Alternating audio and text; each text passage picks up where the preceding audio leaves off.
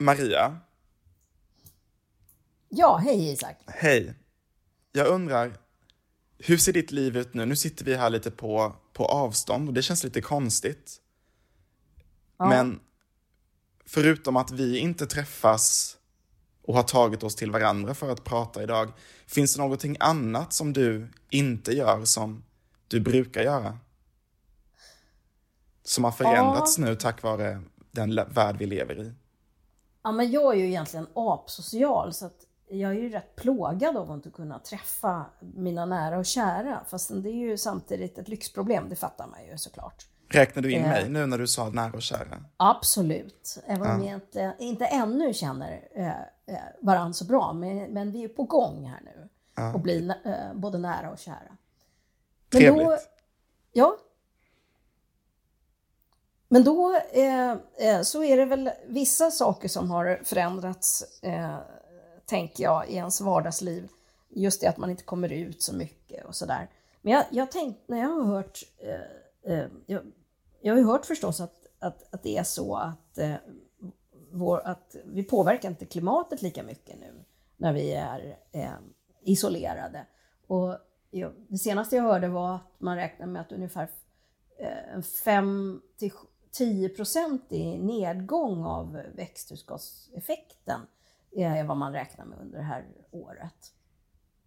Eh, och då tänker jag, men jag har inte än förändrat beteende så himla mycket själv. Men så när jag, när jag tänker på det så, så, så har jag nog det ändå. Och vet du vad det syns mest på, Isak? Nej, berätta. Det, det, det är mitt konto. Alltså jag har, jag har gjort av med mycket mindre pengar under de här veckorna. Och ändå så tycker jag inte att jag är någon, lever särskilt konsumistiskt. Men det är påtagligt. Jäklar vad mycket jag sparat. Jag märker bara att mitt underskott möjligtvis är lite mindre. Ja. ja. Men det säger någonting om våra olika liv vi lever, Maria. Jo, det kanske gör det. Ja. Ja, men, det men det är också eh, intressant därför att det, det är ju så att det finns en väldigt stark koppling mellan konsumtion och klimatpåverkan. Så Det att, finns eh, det ju definitivt. Ja.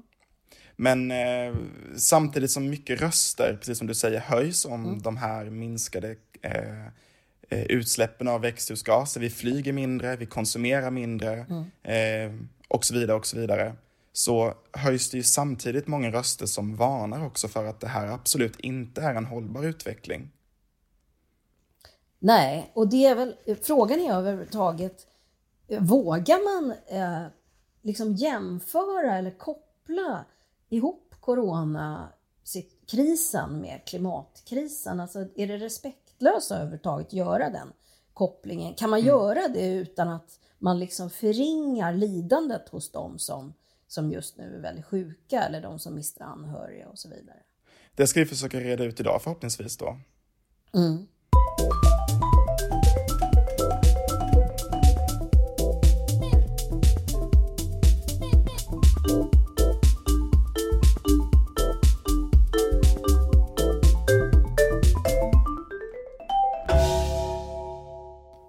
Säger jag jättevälkomna till alla som lyssnar idag på podden Klimatgap.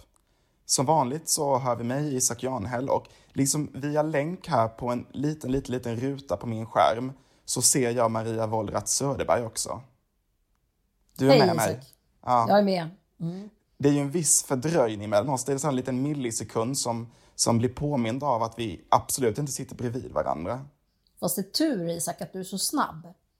Tror Ja. inte jag att det gör så mycket. Men det kan bli farligt också, liksom för snabbt så att den där sekunden hinner gå och sen har jag avbrutit dig kanske. Ja, vi får se. Ja, vi får se hur det här går.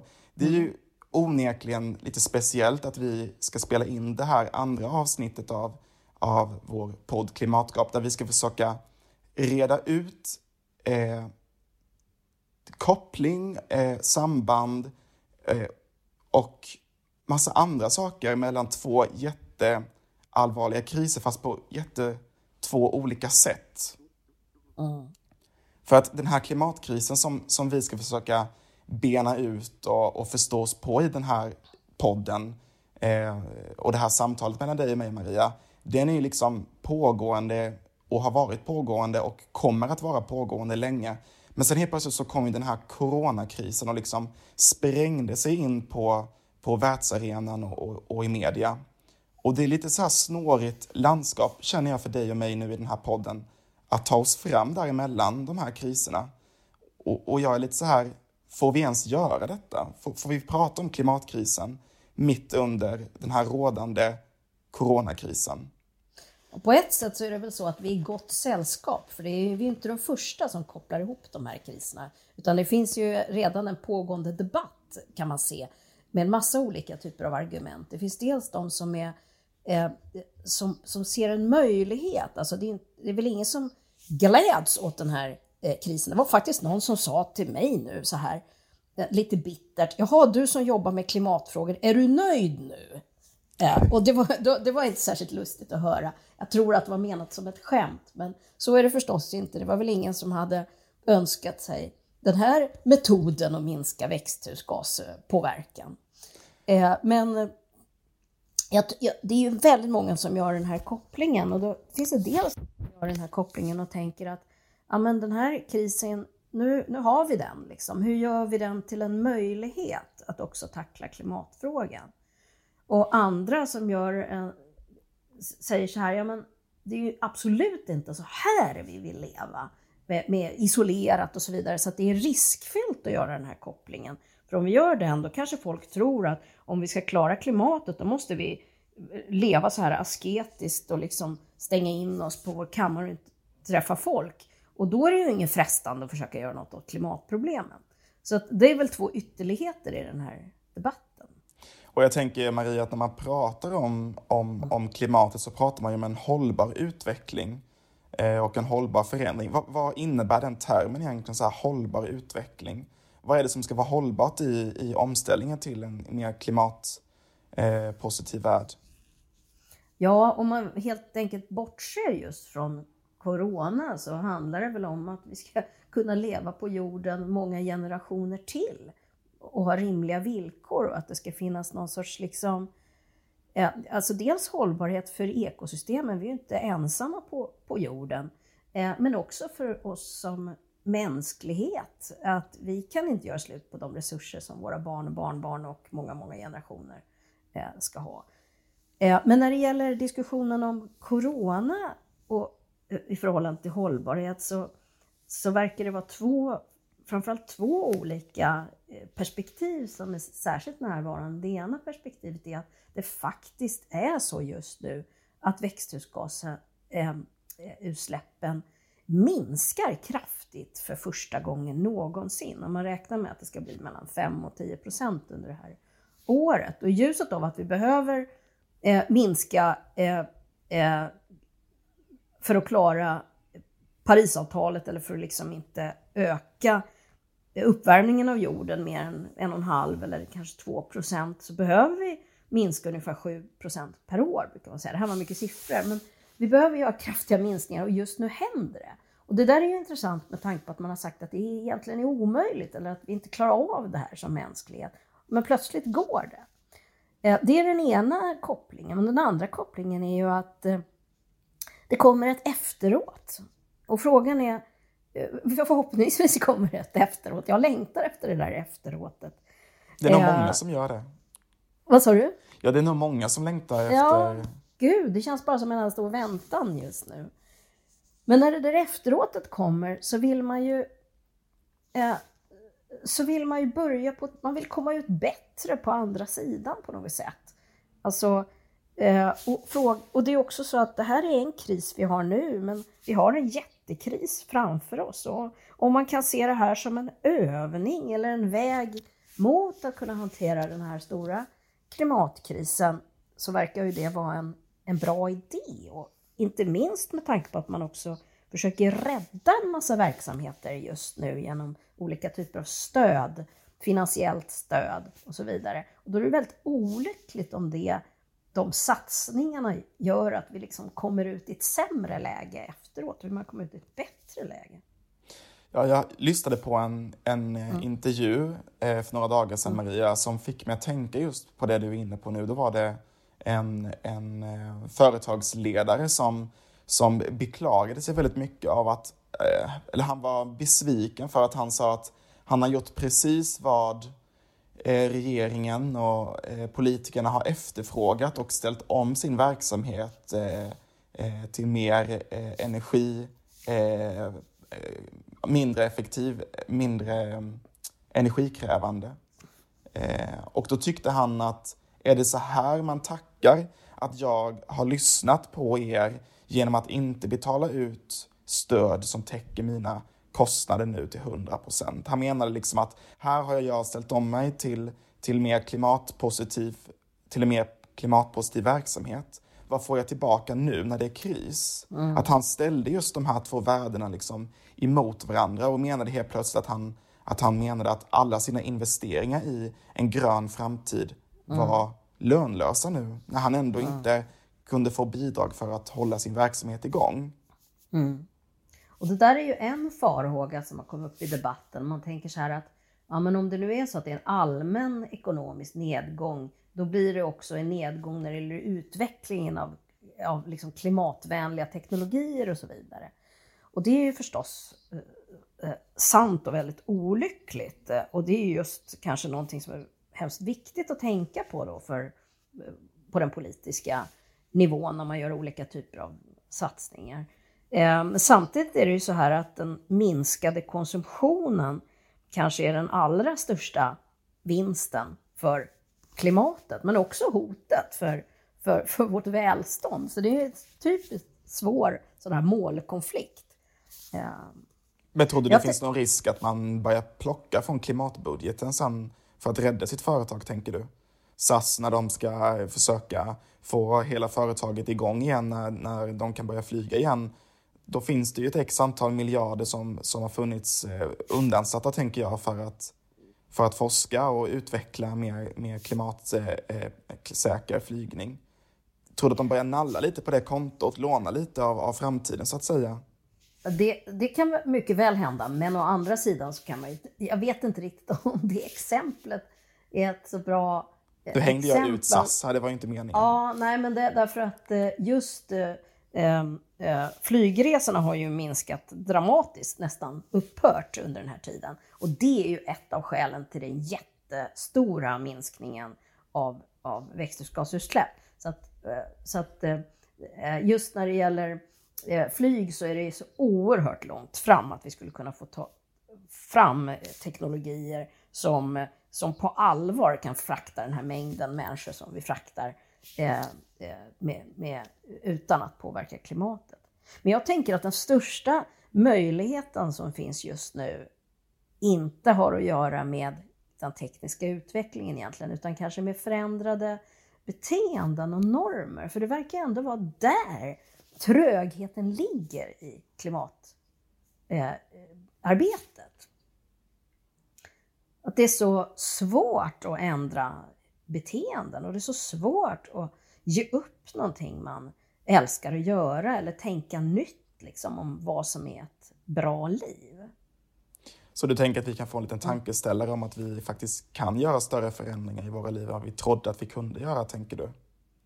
Ja, ja, ja fast det är i och för sig också förknippat då med en massa jobbiga känslor eftersom vi eh, så det är inte så himla enkelt. Å ena sidan så sitter vi här och längtar efter vår familj och det är ju inget, så här vill vi ju inte leva. Å andra sidan så har vi ju utvecklat en del nya vanor eh, som, som jag tror eh, det finns en sorts potential i. Ja, men ta bara en sån här grej som att vi sitter här nu och har det här mötet i Zoom. Jag hade hellre gått på en promenad med dig eller suttit vid köksbordet och snackat. Eh, men det går ju. Och förut så var jag så jäkla rädd för den här teknologin. Nu var jag tvungen att sätta mig in i den och dessutom handleda andra i mitt jobb och, och göra det. Eh, och jag måste säga att det kommer påverka min benägenhet att ta och, eh, och åka 19 timmar tur och retur till något Barcelona för att ha ett möte på två timmar. Alltså om man har upptäckt Har du gjort det detta Maria? Sitter du och ja, biktar dig att du, är det sant? Barcelona har jag faktiskt kanske inte gjort det i, men jag har, jag har rest jättemycket i jobbet och jag, i efterhand kan jag ju se det som att det I klimatets är, namn?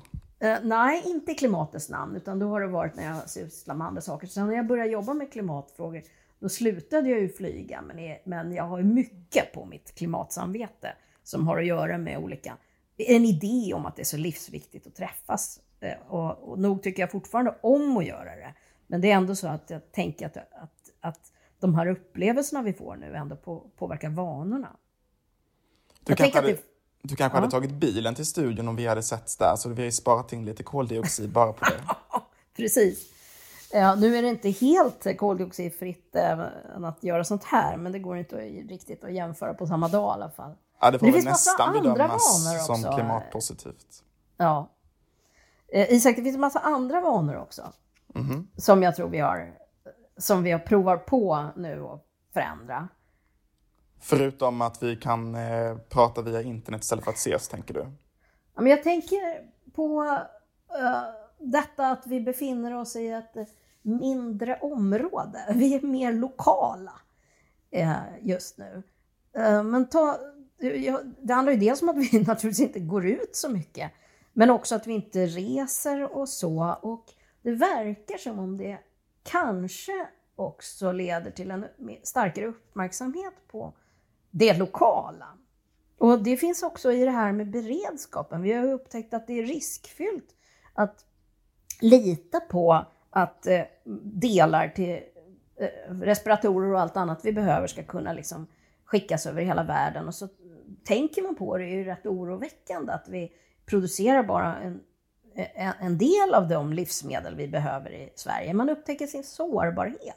Att man inte kan kontrollera sitt liv och så vidare. Men är inte globaliseringen ja. lite liksom en förutsättning också för att kunna tackla hela miljö och klimatproblemet, Maria? Jag tänker, vi måste väl också resa, träffa varandra, prata, dela erfarenheter och så vidare om vi överhuvudtaget ska kunna samla kraft till att tillsammans bekämpa klimatförändringarna?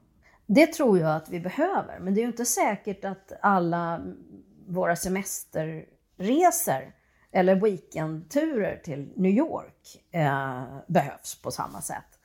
Och, eh, och jag tänker också att eh, eh den här uppmärksamheten på det lokala, som jag ser en sorts potential i, inte krockar med uppsatsen, uppmärksamheten på det globala. Eh, utan att det är någonting som också värnar kanske livet på, på hela planeten. Mm. Jag har en tanke, jag, det, det, här blir lite som en bikt ja. Maria, för det här är liksom inte någon, någon tanke jag är stolt över, men jag får ändå vara liksom beredd att erkänna att den ändå den liksom finns i mitt huvud på något sätt. Ja. Och det är tanken om vad ska jag göra när krisen släpper? Ja. Det ser jag, jag vet inte, är jag ensam tror du om den typen av tanke? Eh, vi pratade väldigt mycket förra avsnittet om det här med att ha ett konto, att känna att nu har jag inte gjort detta på länge, ja. eller nu har jag gjort detta, så att nu kan jag minsann då resa, ja. eller nu kan jag unna mig en köttbit, eller vad det kan vara. Ja. Finns det någon risk att när vi kommer ut ur den här krisen att det blir som att det här kontot, det ligger ju på väldigt minus då, tycker ju alla. Ja. Ja, det finns en sån risk tror jag. Jag tänker att eh, det kan bli en, det har man sett i tidigare kriser, att det kan gå åt två håll, eller kanske till och med att det kan hända samtidigt. Eh, att eh, man å ena sidan Eh, så har man kanske etablerat nya beteenden. Man har tyckt att det var okej okay och liksom, i det här fallet skulle jag tänka mig att, man, att en del av oss har lärt oss att vi kanske inte måste resa så mycket utomlands. Vi kanske har lärt oss uppskatta saker som ligger lite närmare och så vidare. Um, och vi kanske kan klara av att konsumera mindre.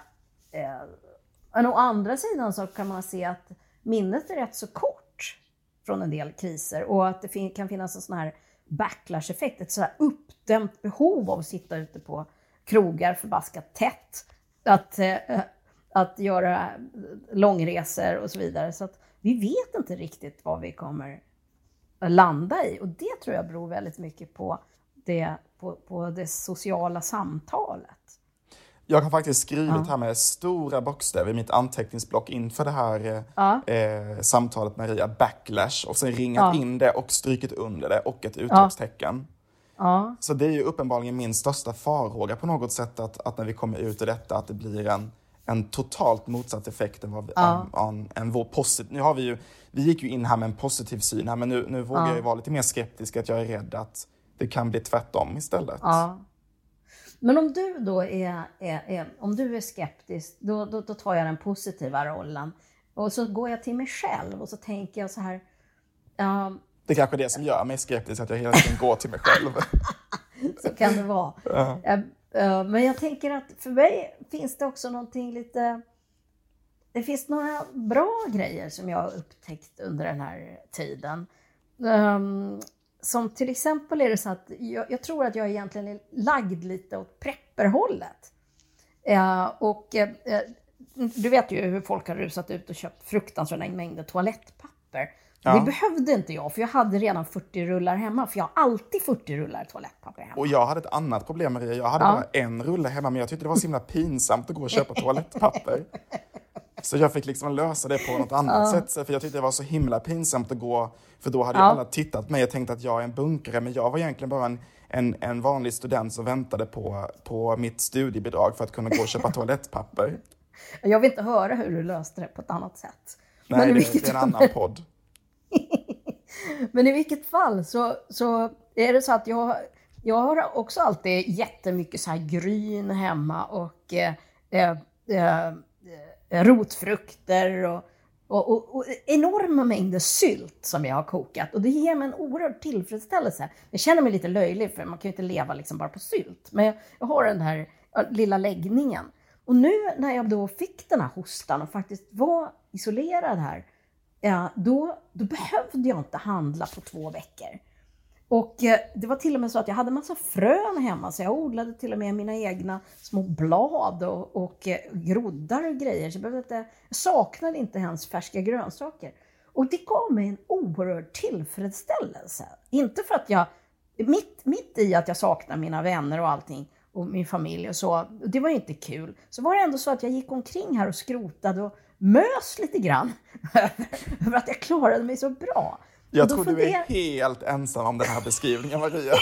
ja, det kan hända att jag är helt ensam. Alla som lyssnar tänker du är helt ensam. Ja, och ganska knäpp. Ja, Men jag funderar ändå på, för att det är inte bara jag som har vittnat om att de har börjat fundera på om de skulle odla lite potatis. Kanske är det så att vi har en sån här ny grön våg ut på landet eh, trend som är up and coming. Ja, jag vet inte. Ja, jag tänker på det här resandet vi pratade mm. om, om tidigare, Maria. Kan mm. en stor sak...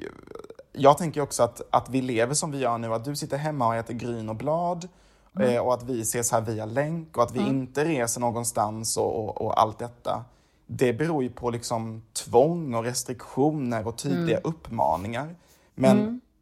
jag tänker, är det, är det den typen av, av, av saker som krävs också för att vi efter den här krisen ska dra ner på vårt resande? Eller liksom vem, vem ska bestämma att vi ska resa mindre och, och, och, och, och leva lite, lite, lite mer likt hur vi mm. har gjort under den här krisen? Vi pratar ju om det här kontot. Ska, ska vi ha ett konto på riktigt kanske? Liksom att mm. varje individ har en resa till Maldiverna var tionde år att göra? Mm. Eller, för det är väl just tvången och restriktionerna som, som är den stora skillnaden mellan denna krisen och klimatkrisen. Att klimatkrisen är bara uppmaningar och, mm. och fakta och siffror från forskare. Men den här krisen är, är, är ju eh, restriktioner, lagar, regler, mm. eh, helt nya normer och så vidare. Men du, det finns mycket att säga om vad, vad det är som är likheter och skillnader mellan de här kriserna. Men jag tänker på detta du säger med normer och restriktioner. Man kanske kan också titta på vad det är som skiljer Sverige då från andra länder. För vi har ju både fått beröm och kritik för att vi inte haft så lika mycket fokus på restriktioner eh, och regler och förbud som man har haft i andra länder. Utan kanske lite mer fokus på, eh, som man har sagt, det egna ansvaret och tilliten till, till myndigheter och så vidare. Men jag tänker att det som skiljer är kanske faktiskt också den sociala dimensionen. Därför att eh, och det, jag skulle säga att det man har haft tillit till i Sverige är inte så mycket det egna ansvaret, utan det är det sociala trycket. Vi, vi uppfostrar varandra. Det, det är inte okej att åka på påsken till Åre. Där, därför man skulle bli utskälld om man gjorde det. Vad skulle ens kompisar tycka?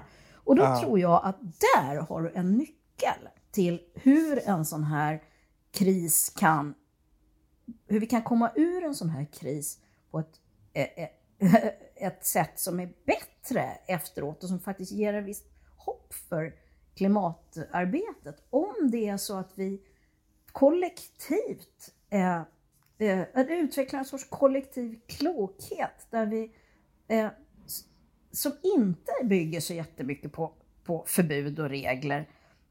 Eh, för det är väldigt tråkigt med förbud.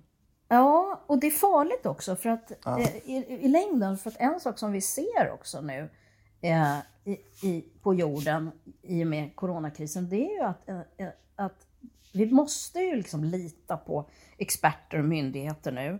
Därför att och det är sån, det är så stora värden som står på spel. Och då, då, eh, eh, då kliver också auktoritära ledare fram och, och, eh, och auktoritära system tenderar liksom att och, och, och, och ta för sig. Eh, och det ser vi i flera länder, hur de här undan, närmast undantagstillstånden också har blivit en ursäkt för att ja, men förbjuda aborter eller massa andra grejer. I, i, i flera länder vi ser det. Och är det någonting måste... de har gemensamt tänker jag är att de är ju inte jättepositiva till eh, att ändra eh, att ändra sig för klimatets skull, de här ledarna. Nej, Nej precis. Och jag, jag, jag, jag tänker så här att vi måste vara förbaskat rädda om demokratin. Alltså, eh, och om, om vi ska kunna ha den här friheten, att vi faktiskt litar på att vi kan fatta goda beslut så, eh, som, som är bra för, för, för, för hela samhället, ja men då måste vi vara himla rädda om demokratin. Då måste, om inte vi själva kan skärpa oss eh, och, och, så, så kommer det ju behövas auktoritära beslut. Och vi vill inte hamna i det läget, tänker jag. Och på, jag tycker att det är en... Eh, jag tycker att det är en, eh, ehm, en grej som finns både i den här coronakrisen och i klimatfrågan. Men om vi ska använda lite den här kanalen nu då Maria mm. till att försöka göra den här normförskjutningen då, att inte göra det lika normaliserat att kunna flyga till New York eller Maldiverna som jag hela tiden återkommer till. Mm. Jag har väl inte varit på Maldiverna, det är väl därför jag säger Maldiverna hela tiden. mm. liksom, hur gör vi den här förskjutningen? Hur skapar vi nya normer där eh, att leva klimatsmart är, är, är, är det normriktiga så att säga? Räcker det med att du och jag sitter och pratar på det här sättet eh, och sen börjar alla tänka, åh jag ska också odla blad och frön? Nej, det gör nog inte det, men jag tror ändå att det här samtalet mellan människor spelar väldigt stor roll. För det ser man i studier, om, över, jag, eh, bland annat en studie som jag själv har varit med och gjort, där vi tittar på människor som har förändrat beslut, eh, beteende och i det fallet precis just slutat flyga. Där, har det, där är det uppenbart att de har påverkats av sin sociala omgivning. Så att just detta att man faktiskt pratar om det är, är kanske det viktigaste, eller kanske till och med det enda sättet att, att åstadkomma större liksom, normförskjutningar. Normer är ju vad människor tycker och pratar om. De, de finns inte liksom i något, som något flytande moln ovanför oss, utan det är vad vi gör. Skulle du säga att vi just nu har normer som säger att det är okej okay att flyga flera gånger om året, eh, äta mycket kött och så vidare. De här grejerna vi vet egentligen. Liksom, på något sätt känner jag att vi redan har normer som säger att det är positivt att avstå eh, animaliska produkter. Det är positivt att inte flyga. Mm. Så på något sätt så blir det sådär, jag tror redan jag kan bli rädd ibland att de här normerna redan finns. Utan det är just det här som vi pratade om i förra avsnittet. Förhållandet mellan normerna och, och, och vilja faktiskt. Ja. Ja, det är svårt att säga. Det kan vara så, men å andra sidan så, så eh, tror jag att du och jag lever i bubblor, Isak. Alltså, eh, Gör vi det? Gud vad skönt det är att leva i en bubbla. det är jätteskönt. Det är så skönt att ha någon i samma bubbla som man jo, bara kan tycka samma sak Kanske som. är det så att bland våra bekanta och vänner så ses det inte alls som konstigt att man är vegetarian eller att man, att man har slutat flyga till exempel. I själva verket kanske något som är hyllat, men det, det gäller absolut inte överallt och definitivt. Jag tror att i Sverige gäller det mer dessutom än i, i, i många andra länder. Men det är, det är bara viktigt det här liksom, att man inte uppstannar i, i att skapa normer för att eh, klimatet blir inte bättre av att vi, vi är överens om hur vi borde leva. Vi måste ju också leva därefter Ja. sen. Fast är- normer är inte bara hur vi tycker, utan det är, tror jag, väldigt förankrat i vanor. Alltså, och ändrar man och det är det där det finns en sorts hopp kan man tänka i en sån här kris som coronakrisen, att om vi nu ändrar vanor och upptäcker att det faktiskt är möjligt, då är det möjligt att det också påverkar normer. Och det är möjligt, det kan ju bli sån backlash-effekt, men vi, det är i alla fall möjligt att våra normer faktiskt påverkas av att vad vi upptäcker är möjligt. Det, och man kan också konstatera att argumentationen kring det kan påverkas. För nu går det inte att säga att det inte är möjligt. Nej, det kan vi inte säga. Jag tänker på kopplingen mellan, mellan coronakrisen och klimatkrisen eh, så att säga. Jag har läst en, en, en artikel som handlar just om att när eh, de naturliga habitaten, som det heter, för våra vilda djur minskar genom översvämningar och, och avskogning och så vidare så kommer också människan mycket, mycket närmare de här vilda djuren. Och det är ju, det är ju närheten till de här djuren också som, som skapar de här eh, zoonoser då som det heter, alltså virus som, som kommer egentligen från djurriket. Så det finns ju en liten koppling också som, som vissa klimatforskare är lite vana för också att den här typen av virusepidemier kan också bli vanligare på grund av att eh, djurens yta på, på, på, på jorden då minskar och vår ökar. Och det, det är verkligen, Eh, det är ju någonting som det finns en bred enighet om när det gäller i, inom forskningen om att så här, miljöutarmning, avskogning och ökad urbanisering och så vidare, även globalt resande och, och, och så, eh, ökar risken för spridning av, av nya sjukdomar. Eh, Men man kan också se det från andra hållet att, eh, att, att eh, klimatförändringar kan också ge mer flyktingar eller brist på mat och vatten och då blir man också mer sårbar för spridning av nya sjukdomar. Så att det finns ju sådana direkta kopplingar såklart. Eh, eh, men det finns också skillnader mellan de här, eh, typ, mellan de här två typerna av kriser. Och jag tror de spelar roll för hur benägna vi har varit att agera resolut och hastigt. Och en sån skillnad är att coronakrisen är så påtaglig i tid och rum. Det, det kommer nu, folk runt omkring oss blir sjuka, vi kanske själva hostar. Någon som vi älskar kan dö. Medan klimatkrisen är luddig och långt bort. Och det är väl också en, en, bra sammanfattning på det vi har pratat om idag, att även fast klimatkrisen, den fortgår ju och pågår ju under den här krisen, men, men för att kunna lösa klimatkrisen så måste vi också komma ut eh, på andra sidan från coronakrisen såklart och, och lösa den krisen allra, allra först. För den är väl ändå, Maria, mer direkt akut just idag, kan man väl säga. Vilken av dem sa du? Coronakrisen. Ja, det är klart den är mer akut just idag.